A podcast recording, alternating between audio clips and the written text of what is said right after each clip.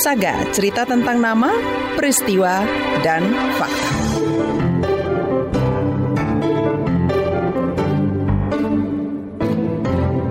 Penyakit menular dan berbahaya begitu mudah menyerang para balita dan anak-anak rimba di Taman Nasional Bukit 12 Jambi. Kurangnya pemahaman mengenai pentingnya posyandu di kelompok orang rimba membuat angka kesehatan para balita tak kunjung membaik.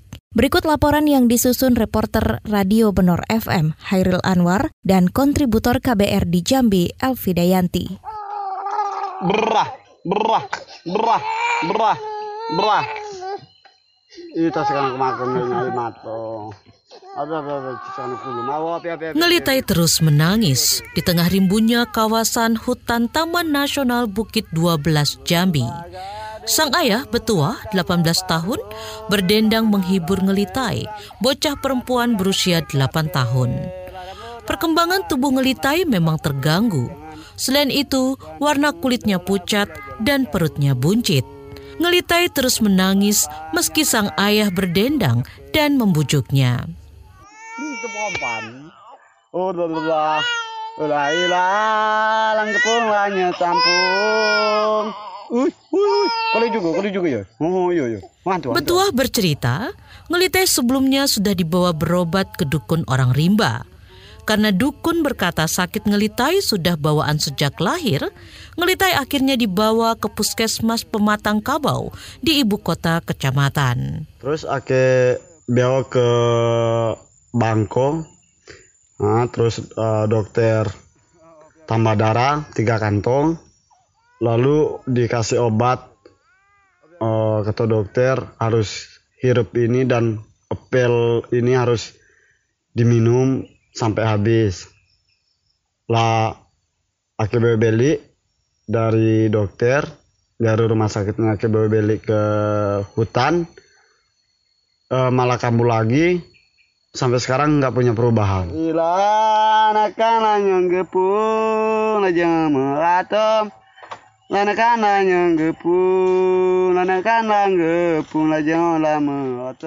Dari puskesmas Pematang Kabau, Ngelitai lalu dirujuk ke rumah sakit umum di ibu kota Kabupaten Merangin. Oh, apa apa Hmm, apa apa apa nakan, apa apa.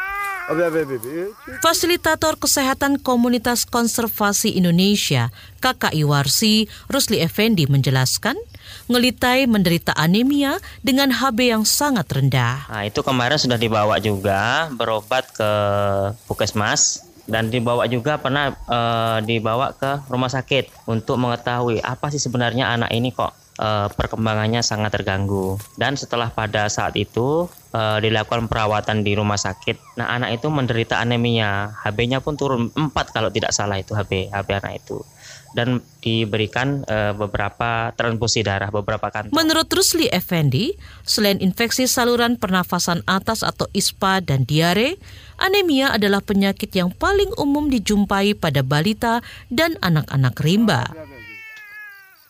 Sepanjang tahun 2019, ada 50-an kasus orang rimba yang dibantu KKI Warsi untuk dirujuk ke pelayanan kesehatan lanjutan karena kondisi kesehatan yang memburuk – Sebagian besar adalah anak-anak. Penyakit menular seperti TB paru dan hepatitis juga mengancam kesehatan para balita di rimba. Kata Rusli, penyakit-penyakit tersebut seharusnya bisa diminimalisir dan dicegah jika orang tua rimba rutin ke posyandu. Ya, pada dasarnya eh, yang perlu kita tanamkan pertama kali adalah pemahaman, pengetahuan mereka tentang eh, apa sih pentingnya kesehatan, apa sih pentingnya posyandu itu. Misalnya ini kan ada beberapa uh, tahapan vaksin BCG. Nah, itu gunanya untuk apa? Misalnya untuk DPTHB, ya rubella seperti apa? Mereka belum paham di situ. Sehingga uh, membuat mereka kurang kurang ini, Mbak, kurang termotivasi. Meski posyandu khusus untuk orang rimba telah disediakan oleh puskesmas terdekat, orang rimba masih enggan membawa anak-anak mereka ke posyandu. Kepala Puskesmas Pematang Kabau Kabupaten Sarolangun Jambi Hartarti Sandora. Ada apa kesadaran masyarakat orang rimba untuk menimbang ataupun imunisasi anaknya untuk datang ke posyandu yang ada di wilayah kerja kami yaitu yang pertama di pasar, yang kedua ada di air panas. Jadi kita tidak bisa memantau secara maksimal balita dari mulai umur dari mulai dia lahir sampai tahun ini. Puskesmas Pematang Kabau bekerja sama dengan KKI Warsi berencana membangun posyandu di pinggir hutan. Beberapa orang rimba juga akan dipilih dan dilatih menjadi kader posyandu. Ini untuk lebih mendekatkan pelayanan kesehatan bagi balita orang rimba. Demikian laporan yang disusun reporter Radio Benor FM Kairil Anwar dan kontributor KBR di Jambi Elvi Dayanti.